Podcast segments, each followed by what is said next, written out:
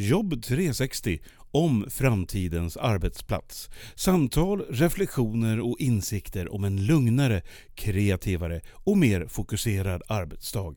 Inbjudna gäster tillsammans med Pia Andreasson och hennes kollegor från Direxio.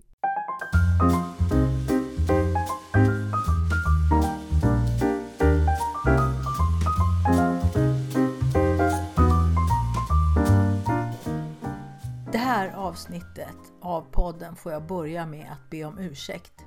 Jag har haft ett superintressant samtal med Johan Magnusson ifrån Göteborgs universitet. Han är med för andra gången i podden och den här gången hade jag lite otur.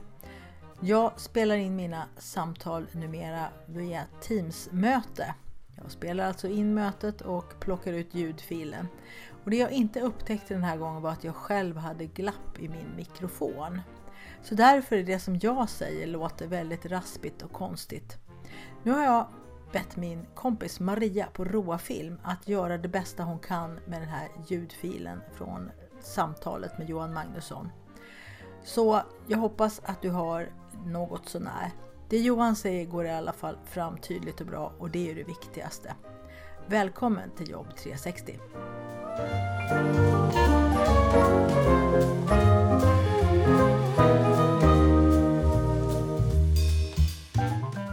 Välkommen till podden igen Johan Magnusson från Göteborgs universitet. Vi ska prata en hel del om Dimios-verktyget här och de rapporter som ni har skrivit hittills och så. Men du kan väl först berätta vem du är och vad är Dimios och vad är det ni gör du och dina kollegor?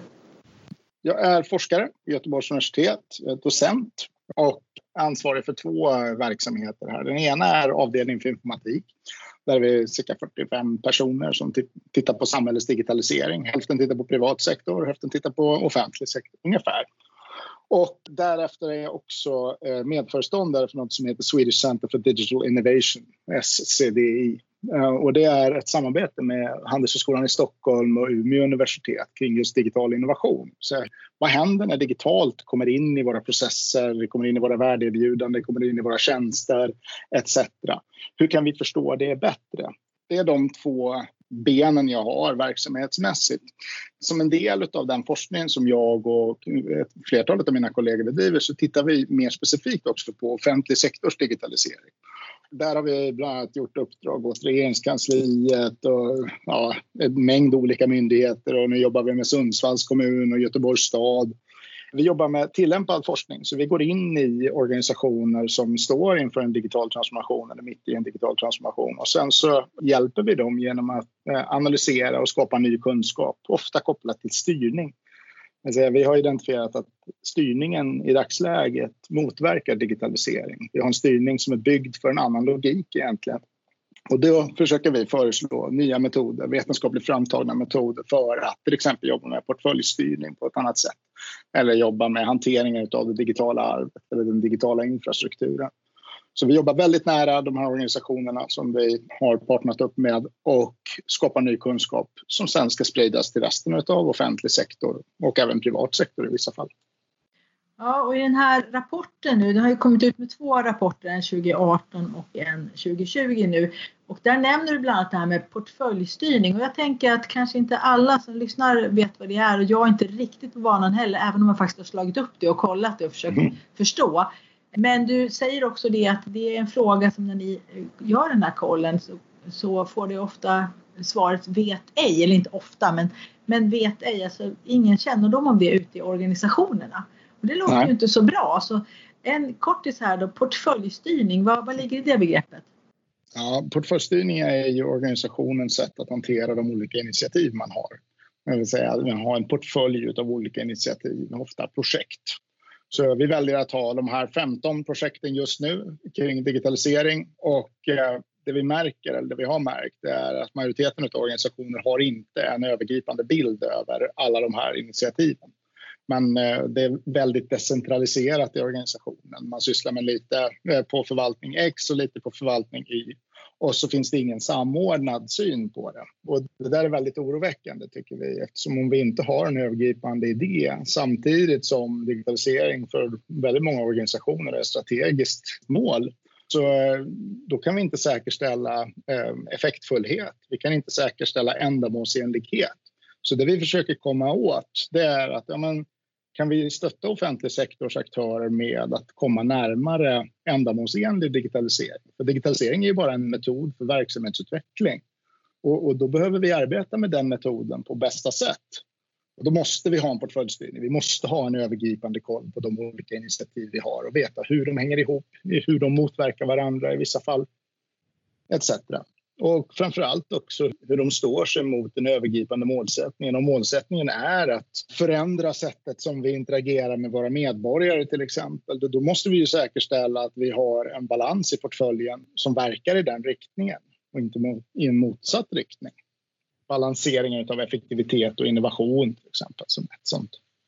Ja, just det. Jag känner igen den där att man, att man jobbar i enskilda små silos och så därför att ofta när jag mm. har varit ute i kommuner och utbildat och precis som ni har dragit slutsatsen då att samhällsbyggnadsförvaltningar ligger ganska långt fram och utbildningsförvaltningar då i relation till det ligger lite, ja får man säga efter kanske. Och där får jag ofta reflektionen när jag har haft en kursupplägg med en säg, samhällsbyggnadsförvaltning att ja, det är jättebra Pia att vi kan det här. Nu kan vi använda våra digitala redskap på en ny nivå och på ett sätt som vi tror kommer att bli bra för oss. Men alla andra, våra kollegor runt om i kommunen som vi samverkar med, de gör ju inte det här. Så, så vi tappar ju lite där. Mm. Bara en sån enkel sak som att jag fick höra att en utbildningsförvaltning sa så här att internt så bokar vi våra möten i kalendern, självklart, det har vi gjort länge. Men när vi ska ut i organisationen kommunicera med förskollärarchefer, då går inte det. Obalansen som finns. Ja, det finns en, alltså spridningen inom en kommun till exempel är oftast mycket större än mellan kommuner när det gäller digital mognad som är det vi mäter. Och då försökte vi i den senaste rapporten från 2020 komma lite närmare det där och försöka analysera det lite mer i detalj. Då fann vi något jättespännande. Det var att alltså de förvaltningar som är kraftigt utsatta av ett förändringstryck som en effekt av digitalisering. Det vill säga eh, om man tar utbildning till exempel. Utbildning eh, upplever ett väldigt starkt tryck från föräldrar, från barn, från lärare om att digitalisera sättet man eh, utför eh, sitt arbete på. De upplever sig mycket mer begränsade än vad till exempel en, en intern serviceförvaltning eh, upplever sig begränsade. Och då måste vi komma ihåg här att det vi mäter är förutsättningarna för att dra nyttan ur digitalisering. Och det är först när du har det här starka trycket utifrån så som du faktiskt ställs på prov. Om du uteslutande jobbar inåt i organisationen, inåt i kommunen med att stötta andra förvaltningar, då har du egentligen inte speciellt stort tryck på dig. Men för det trycket ifrån medborgare, från företagare, från resten av samhället, det är det som är förändringstrycket förändringstrycket på interna stödprocesser är inte speciellt stort. Förändringstrycket på en, en medborgarmötande eh, förvaltning som utbildning eller samhällsplanering och samhällsbyggnad, de, den är mycket högre. Så därför ser vi att alltså det här är ju inte ett mått på om de är bra eller dåliga. Det här är ett mått på att de upplever att det saknas förutsättningar för att dra nytta av digitalisering. Och då blir det ofta som du är inne på, Alltså att det här har att göra med att ja, men, de kanske i själva verket har kommit längst i sina processer. Men det hänger ju ihop. Det är ju ett pärlband av processer där andra förvaltningar är involverade också.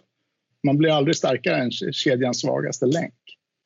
Så det du säger är att det spelar ingen roll egentligen om de är racerförare. Har de bara små folkabubblor så blir det inte mycket fart ändå. Utan de ja, eller, av, av alla andra faktorerna. Ja, eller snarare att när de väl kommer in med bilen för att byta däck så eh, har folk fikarast och är någon annanstans än vad de borde vara. Okay, det är inte alltid det, fel på bilen. Det, det synkar inte alltid så där man behöver. Nej. Nej, alltså en kommun är ju en extremt komplicerad organisation. Alltså det är ju verkligen en dussinverkstad. De ska göra allt mellan himmel och jord. Alltså komplexiteten på ett bolag som SKF är ju låg jämfört med en, en kommun. Så vi, vi, vi, vi får inte eh, tro att kommuner är enkla organisationer. Det är enormt svåra och enormt eh, differentierad och spridd verksamhet. Och då är det svårt att få ihop det. Och framförallt om du då har ett digitalt arv som är väldigt trögrörligt. Och det digitala arvet då, det består i, du berättade i förra programmet, men ta det lite kort igen. Ja, det digitala arvet är ju de tidigare eh, investeringarna vi har gjort i det här. De tidigare, alltså systemen som vi har på plats, eh, infrastrukturen som vi har på plats, styrningen av den här också, det vill säga hur vi köper och säljer i de flesta organisationer, IT internt. Där har du det digitala arvet. Och det vi finner är att det är ju väldigt begränsande. Att det här är en tickande bomb. Vi kan inte få den verksamhetsutveckling som vi behöver ha för att möta förändrade behov från våra medborgare och samtidigt ha kvar det här digitala arvet. Så vi måste göra något åt det. Det jobbar vi nu väldigt målmedvetet tillsammans med bland annat Sundsvall om att ta fram metodik för att identifiera vilka system som ska slängas bort till exempel. För, för inom offentlig sektor så du har ett ganska stort arv. Systemen är gamla och gamla system är, är bra på ett sätt. De är inarbetade och de är ganska billiga. Men de är inte eh, eh, eh, värdiga som plattformar för att utveckla ny funktionalitet eller nya digitala tjänster. Så, så du kan liksom inte använda dem till någonting annat än vad de designades för på 1980-talet.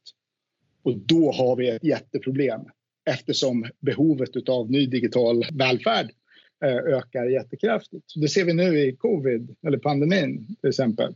Helt plötsligt så skiftar vi över mot att, ja men vänta nu, det digitala är det primära. Det är inte någonting stödjande vid sidan om, utan det är det primära sättet som vi levererar välfärd på i, i vissa fall. Och helt plötsligt så ställer det krav på att vi kan ta fram en ny digital tjänst ganska snabbt. Men det funkar inte givet underliggande rötan i systemen.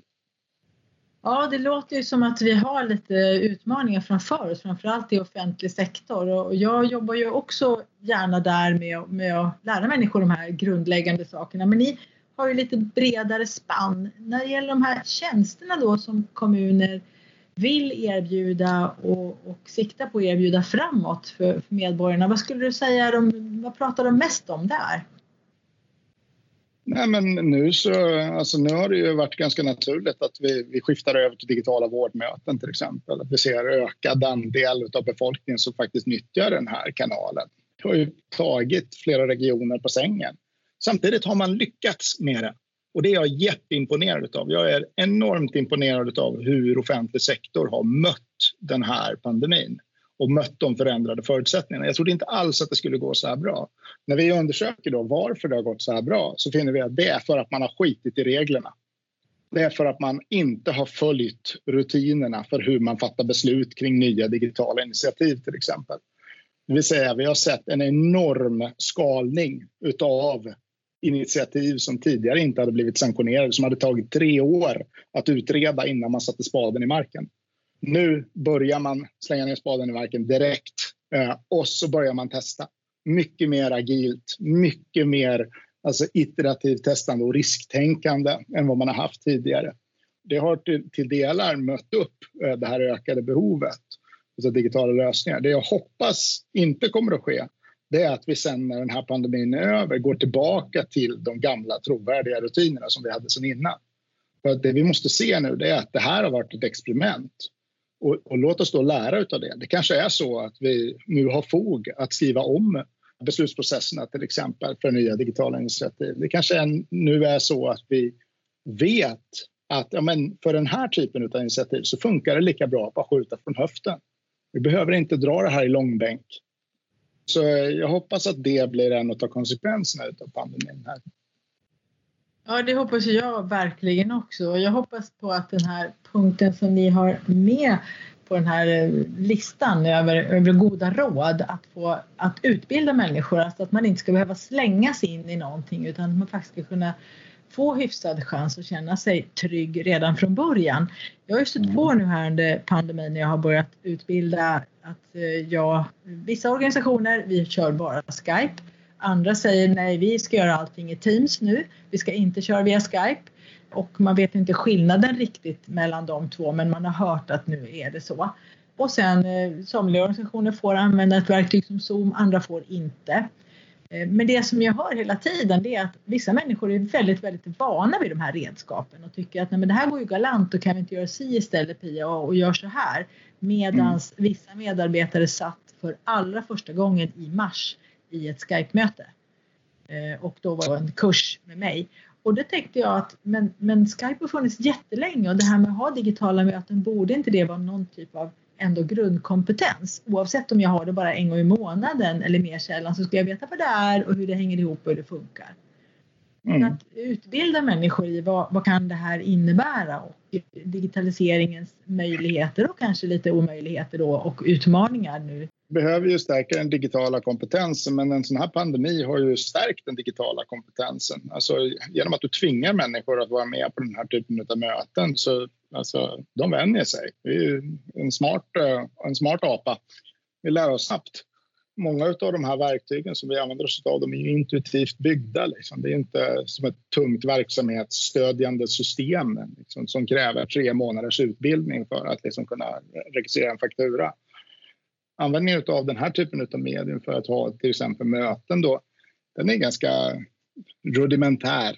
Och de som inte kunde det innan, de har tvingats lära sig nu det blir mycket svårare sen liksom när du vill få ut alltså, större effekt ur det. Ja, men bra, då, då skiftar vi över till Teams till exempel. Sen så börjar vi dela dokument via Teams. Det är ju snarare när du ökar på liksom, eh, bredden av olika lösningar och som det blir spännande. Alltså det är inte mötesformatet eh, i sig eh, som är det intressanta ur mitt perspektiv det jag ser att vi nu börjar göra och eh, till stor del hänger det ihop med att vi nu har en vetenskaplig metod för att mäta och följa upp digital mognad i organisationer.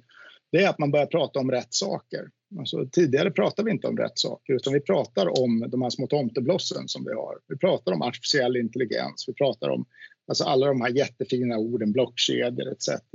Men vi har inte pratat om det som faktiskt avgör om vi kommer att få nyttan av detta eller inte. Och det som avgör är, har vi rätt styrning på plats? Skapar vi rätt förutsättningar för människor att faktiskt ta del av det här? Och har vi rätt infrastruktur på plats? Det är de frågorna som vi nu börjar prata om på, på ett mycket mer begåvat sätt än vad vi har gjort tidigare.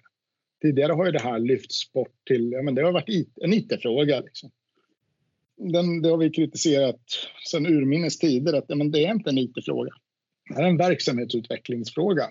Och nu har vi börjat fatta att ja, men då hänger det ihop med styrning, då hänger det ihop med organisering, då hänger det ihop med den externa infrastrukturen.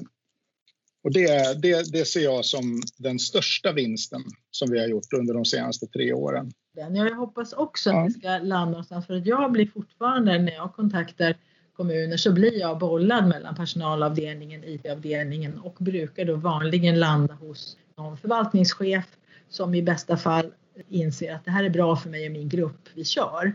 Och mm. så blir det det här att man gör e egna initiativ och ingen har koll egentligen på vad pågår i den stora hela organisationen.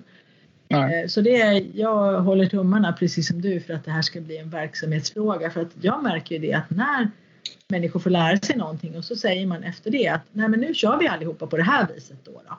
För mm. att någon har tänkt att gör vi det allihopa tillsammans så blir det effektivare. Eh, vi får bättre överblick, bättre koll, bättre flöden, whatever. Eh, då blir det ju väldigt bra och det brukar inte vara så att människor har svårigheter att, att göra det. Precis som du beskrev här nu, det har blivit med de här digitala mötena. Nej men ja. man klipper in det och lär sig helt enkelt. Det ja. behövs ju någon som säger att nu gör vi på detta viset. Och det har inte funnits tidigare. Då blir det ju spännande att titta på hur det här kommer att utveckla sig på alltså det som en kommun till exempel erbjuder till sina eh, invånare och medborgare. Alltså, eh, hur kommer de långsiktiga effekterna av förändrade eh, konsumtionsmönster av tjänster från kommunen att utvecklas? Alltså blir det här någonting, kommer vi att se en tillbakarullning mot icke-digitala tjänster? Och där tycker jag att kommunerna behöver ligga steget före. Alltså för att givet hur det ser ut med tillgång till kompetens i landet nu så, så vi, vi, och, och eh, förändrad demografi så, så har vi inte valet egentligen att gå tillbaka till icke-digitala processer, till icke-digitala erbjudanden eller tjänster mot våra invånare. Utan vi behöver nyttja det här, alltså den ökade efterfrågan och så stadsfästa den och se till att vi verkligen levererar det som de eh, ser ett värde i. Och så fortsätter vi. Det är där vi ska eh, vidareutveckla vår kvalitet. inte i att gå tillbaka till hur det var tidigare. Jag tog min perm och gick ner till kommunkontoret. Just det här att ta sin perm och gå någonstans, det är ju väldigt mycket ska man säga, inte debatt, men det finns väldigt mycket tankar och hur det ska bli nu när vi så att säga kommer tillbaka till kontoret. Och en stark mm. tanke är ju det att människor kommer inte längre att acceptera att åka varje dag i veckan till en fysisk plats och utföra sitt arbete där. Nej. De som ville jobba mera hemma innan ju, kan ju nu inte förnekas att göra detta och de som sa att det går inte att arbeta någon mm. annanstans vid mitt skrivbord på en viss fysisk adress, de har ju nu blivit tvungna att se att det går faktiskt. Att Ja. Eh, och det där tänker jag, det påverkar ju också rekryteringen och kompetens. Du var inne på demografi och så vidare och en del i det här är ju att människor flyttar men kan fortfarande jobba kvar. Eller ja. att jag kan ta en tjänst, kanske i Göteborgs stad då, då på deltid. För jag behöver mm. kanske vara där högst en gång i månaden möjligen. Men jag kan göra ja. Eh, mycket saker härifrån från mitt skrivbord hemma i Stockholm. Eh, mm. Och det är väl också någonting som eh, kommuner och organisationer måste ta hänsyn till i framtiden. Alltså hur rekryterar vi den här digitala arbetsmiljön och möjligheterna kommer ju att spela. Alltså jag gjorde en sån enkät nu bland mina anställda här. Och det, det jag försökte vända det här. Okej, okay, men bra, nu har vi gjort ett experiment här under eh, ett halvår där ingen fick vara på jobbet. Bra, kan vi, vi ser det som ett experiment och så ser vi vad lärde vi oss av det? Vad, vad, vad, hur skulle din optimala arbetssituation vara? Och, och det landade i att ja, men folk vill vara inne på kontoret två dagar i veckan. Mest för sociala orsaker. Deras produktivitet har gått upp eh, när de har suttit hemma. Men de känner att eh, deras sociala välmående har gått ner. Så, så två dagar i veckan vill de komma in och fika lite med kollegorna. Alltså konsekvenserna av det där blir ju att ja, men, Tidigare har jag bara rekryterat människor som jag kan få att flytta till Göteborg. Men jag menar, de kan väl bo var som helst egentligen. Helt plötsligt så ökar ju mitt upptagningsområde när jag försöker rekrytera de bästa forskarna. Också alltså, vårt lokalbehov. Det kanske inte är så att alla behöver ha var sitt stort kontor om de bara ska vara här två dagar i veckan och huvudsyftet då är att träffas. kanske är helt andra lokaler som vi behöver här det är 60 procent av lokalytan som jag skulle kunna göra mig av med. Det blir ju otroligt spännande. Jag har tänkt på det. Vi kommer inte att bygga så värst många mer kontor här de närmsta tio åren, i min reflektion, utan de ytor som finns idag kommer att räcka till så väldigt mycket mera.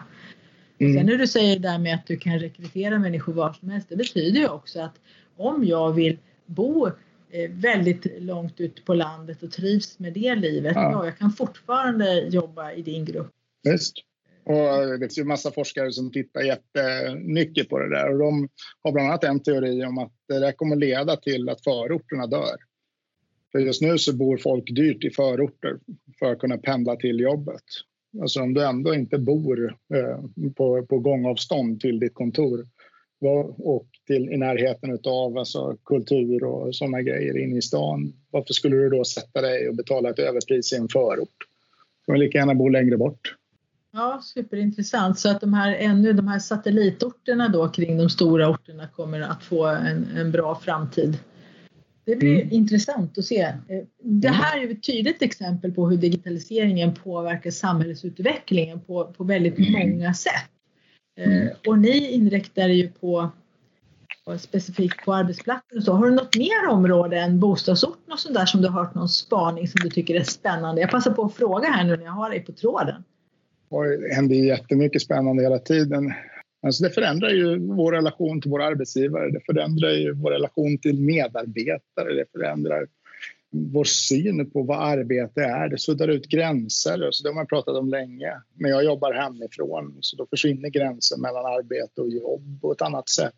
Alltså, så, så, du får ju också, det är ju ingen solskenshistoria som vi beskriver här, liksom, utan den, den, har negativa konsekvenser. Och då är det viktigt för oss att alltså, ha koll på de negativa konsekvenserna så vi kan mota dem i grind. Ja, det finns en myndighet som heter Myndigheten för arbetslivskunskap och de har ju också en rapport om det här där de har en mm. bra figur, jag tror på 67 eller 68 i deras rapport mm. där, som beskriver just att det finns en uppsida med detta. Mm. Men det finns också en nedsida och ska man göra sådana här förändringar Som till exempel att tillåta mera hemarbete, eller tillåta och tillåta, det blir man ju tvungen till nu, men mm. eh, att man också beaktar de här nedsidan och ser hur kan det påverka arbetsmiljön? Ja, och vi jobbar med forskare i London som har studerat så vad, vad händer med redan marginaliserade grupper när de tvingas gå över till digitala medier? För en del av den marginaliserade gruppen så sluts de närmare kollektivet, det vill säga de blir mindre marginaliserade. För en del så skjuts de ut långt utanför, så det är en ökad marginalisering. Så en, en rörelse som digitaliseringen, den har alltid båda de här två sidorna. Det är ett väldigt dubbeleggat svärd. Men det måste vi vara medvetna om alltså när, när, vi, när vi tittar på det här och när vi driver digitalisering i. Och så det vi pratade om här, att vi liksom skiftar över till mer digitalt i vår leverans av välfärd. Vad får det för negativa konsekvenser? De måste vi ha span på. Det är inte bara den här digitala klyftan som vi pratar om. Det är inte bara äldre 80-plussare som kan ingå i det där, utan det finns massa andra nyanser som, som kommer att påverkas och de i sin tur har effekt på samhället. Vi har ju bara börjat att förstå de här delarna och där kan jag vara lite kritisk till att det saknas forskning som tittar på detta. Det är väldigt svårt att hitta forskning eh, så som angriper detta. Jag vet Linköping har varit ganska duktiga på det men i övrigt så alltså den negativa sidan av detta är ganska outforskad och det, då flyger vi lite i blindo kan tänka, har samhället råd att inte känna till det här? För jag har ju sett det ganska nyligen Eh, jag lyckades få min 82-åriga mamma att äntligen ta i en smartphone och börja använda den och det visade sig att nyckeln till det det var att jämföra med någonting som hon kände till sedan tidigare, nämligen datorn mm. som hon ju haft långt bak i mm. tiden och, och sysslat med och berätta att den här smartphonen är en dator fast du håller den i handen och du kan göra jättemycket saker som du tidigare gjort på datorn. Och då mm. glimtade det till och hon började förstå finessen med det här och det var ju bara en ganska enkel pedagogisk sak som vi kom på där. Så mm. de här problemen kanske går att adressera på ett enkelt sätt men man måste ju få syn på dem. Man måste ju förstå vad är det som gör nu att de här människorna inte riktigt tar till sig det här nya. Nej. Eh, och I hennes fall var det ju bara det att vi inte hade pitchat det på rätt sätt om man säger. Nej. I andra fall kan det finnas andra problem. Tillgång till exempel till olika typer av hårdvara och program. Eller tilltro, alltså känslan av övervakning. Alltså den typen av aspekter kommer också ja, in här. Precis, de som vill, inte vill ha kort för att då kan man se vad jag har köpt. Nej, vill ha exakt. Det där är ju frågan, alltså, vad ska samhället lägga sina resurser på? Alltså det är ju, vi måste ju ransonera våra resurser. Vi har inte obegränsat med resurser. Så vad är, det, vad är det värt att det finns parallella eh, fysiska alternativ till det digitala? Ta pengar som ett exempel där då. Alltså vad får det kosta? Jättekostnad. Är det det vi ska lägga pengar på eller ska vi lägga pengar på äldrevården? Eller ska vi lägga pengar på eh, utsatta grupper? kanske är så att det här grundantagandet att jag vill ha det som det var, den eh, ger jag inte någonting för. Den är irrelevant. Utan den här kalkylen behöver göras på samhällsnivå. Alltså är det här någonting som vi väljer att prioritera? Och att bara fortsätta göra som igår, eh, det är ett icke-beslut som faktiskt innebär en prioritering. Då väljer vi att inte lägga pengar på sånt som vi egentligen vet ger mycket mer värde. Där, där kommer vi in på någonting också att det saknas ganska ofta beslutsunderlag för den här typen av beslut. Ja, man försöker göra någon typ av utredning och vi ska kolla närmare på det här och så vidare. Men när det som du nyss beskrev, i vissa områden finns det ju faktiskt ingenting att kolla. Utan Nej. ibland blir vi kastade in i en situation och vi får bara lösa det. Som nu med, med pandemin och det här med att jobba hemma och digitalt och ja. möten och så vidare. Och då visar det sig att vi, vi löser väldigt mycket när vi väl måste. Ja. Och sen kommer det inte passa för alla människor. Men då är frågan, har vi råd att ha parallella rutiner? Har vi råd att ha parallella processer? Det har jag ofta också hört att men jag vill göra så här och då handlar det ofta mm. om att man vill behålla någonting. Man vill behålla papper och penna, man vill fortsätta ha sina ja. postitar på sin skärm runt omkring, man vill ja. behålla sin fysiska plats och så vidare. Och då får man ju som kursledare ta det lite easy. Men min tanke mm. är ofta samma som din. Alltså hur kan du tänka att du ska fortsätta med någonting? Ja, du stjäl ju resurser ifrån organisationen. Alltså, du behöver du är, du är inte lojal mot din arbetsgivare. Skulle man kunna vända det till. Bygger det på att arbetsgivaren också är tydlig med vad innebär det att vara ja, lojal och jobba Visst. på den här arbetsplatsen? Så här, ja. Hur ser det ut hos oss? Och det är ju där vi är tillbaka vi i det vi börjar prata med att det ser olika ut på olika ställen. Om du jobbar inom ja. administrationen på utbildningsförvaltningen och så sen söker du en ny tjänst på samhällsbyggnadsförvaltningen då kan det vara två helt olika mm. arbetsplatser fast det är samma kommun. Jättespännande. Jag tror att vi får faktiskt stoppa här. Vi har pratat ganska länge och jag är säker på att vi kommer att få återkomma till varandra i framtiden. Eh, och eh, jättekul att du ville vara med i det här avsnittet av Jobb 360. Den här rapporten som vi har pratat om, eh, Dimios rapport 2020, den hittar man ju om man söker på Dimios och mm. digital mognad 2020, eller hur? Ja, eller går in på digitalförvaltning.se. Och precis som den förra rapporten är ju den väldigt faktiskt kort och lättläst och föredömlig. Eh, den här andra rapporten som jag nämnde från Mynak den är lite tyngre men fortfarande såklart läsvärd när det handlar om det här med, med digital arbetsmiljö. Så att, eh, tack så mycket Johan, ha det så bra och vi hörs. Tack själv. Hej då.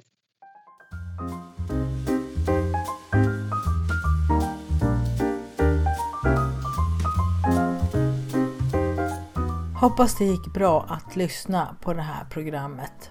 Även fast mitt ljudspår var lite körigt. Det Johan sa var i alla fall intressant och tankeväckande.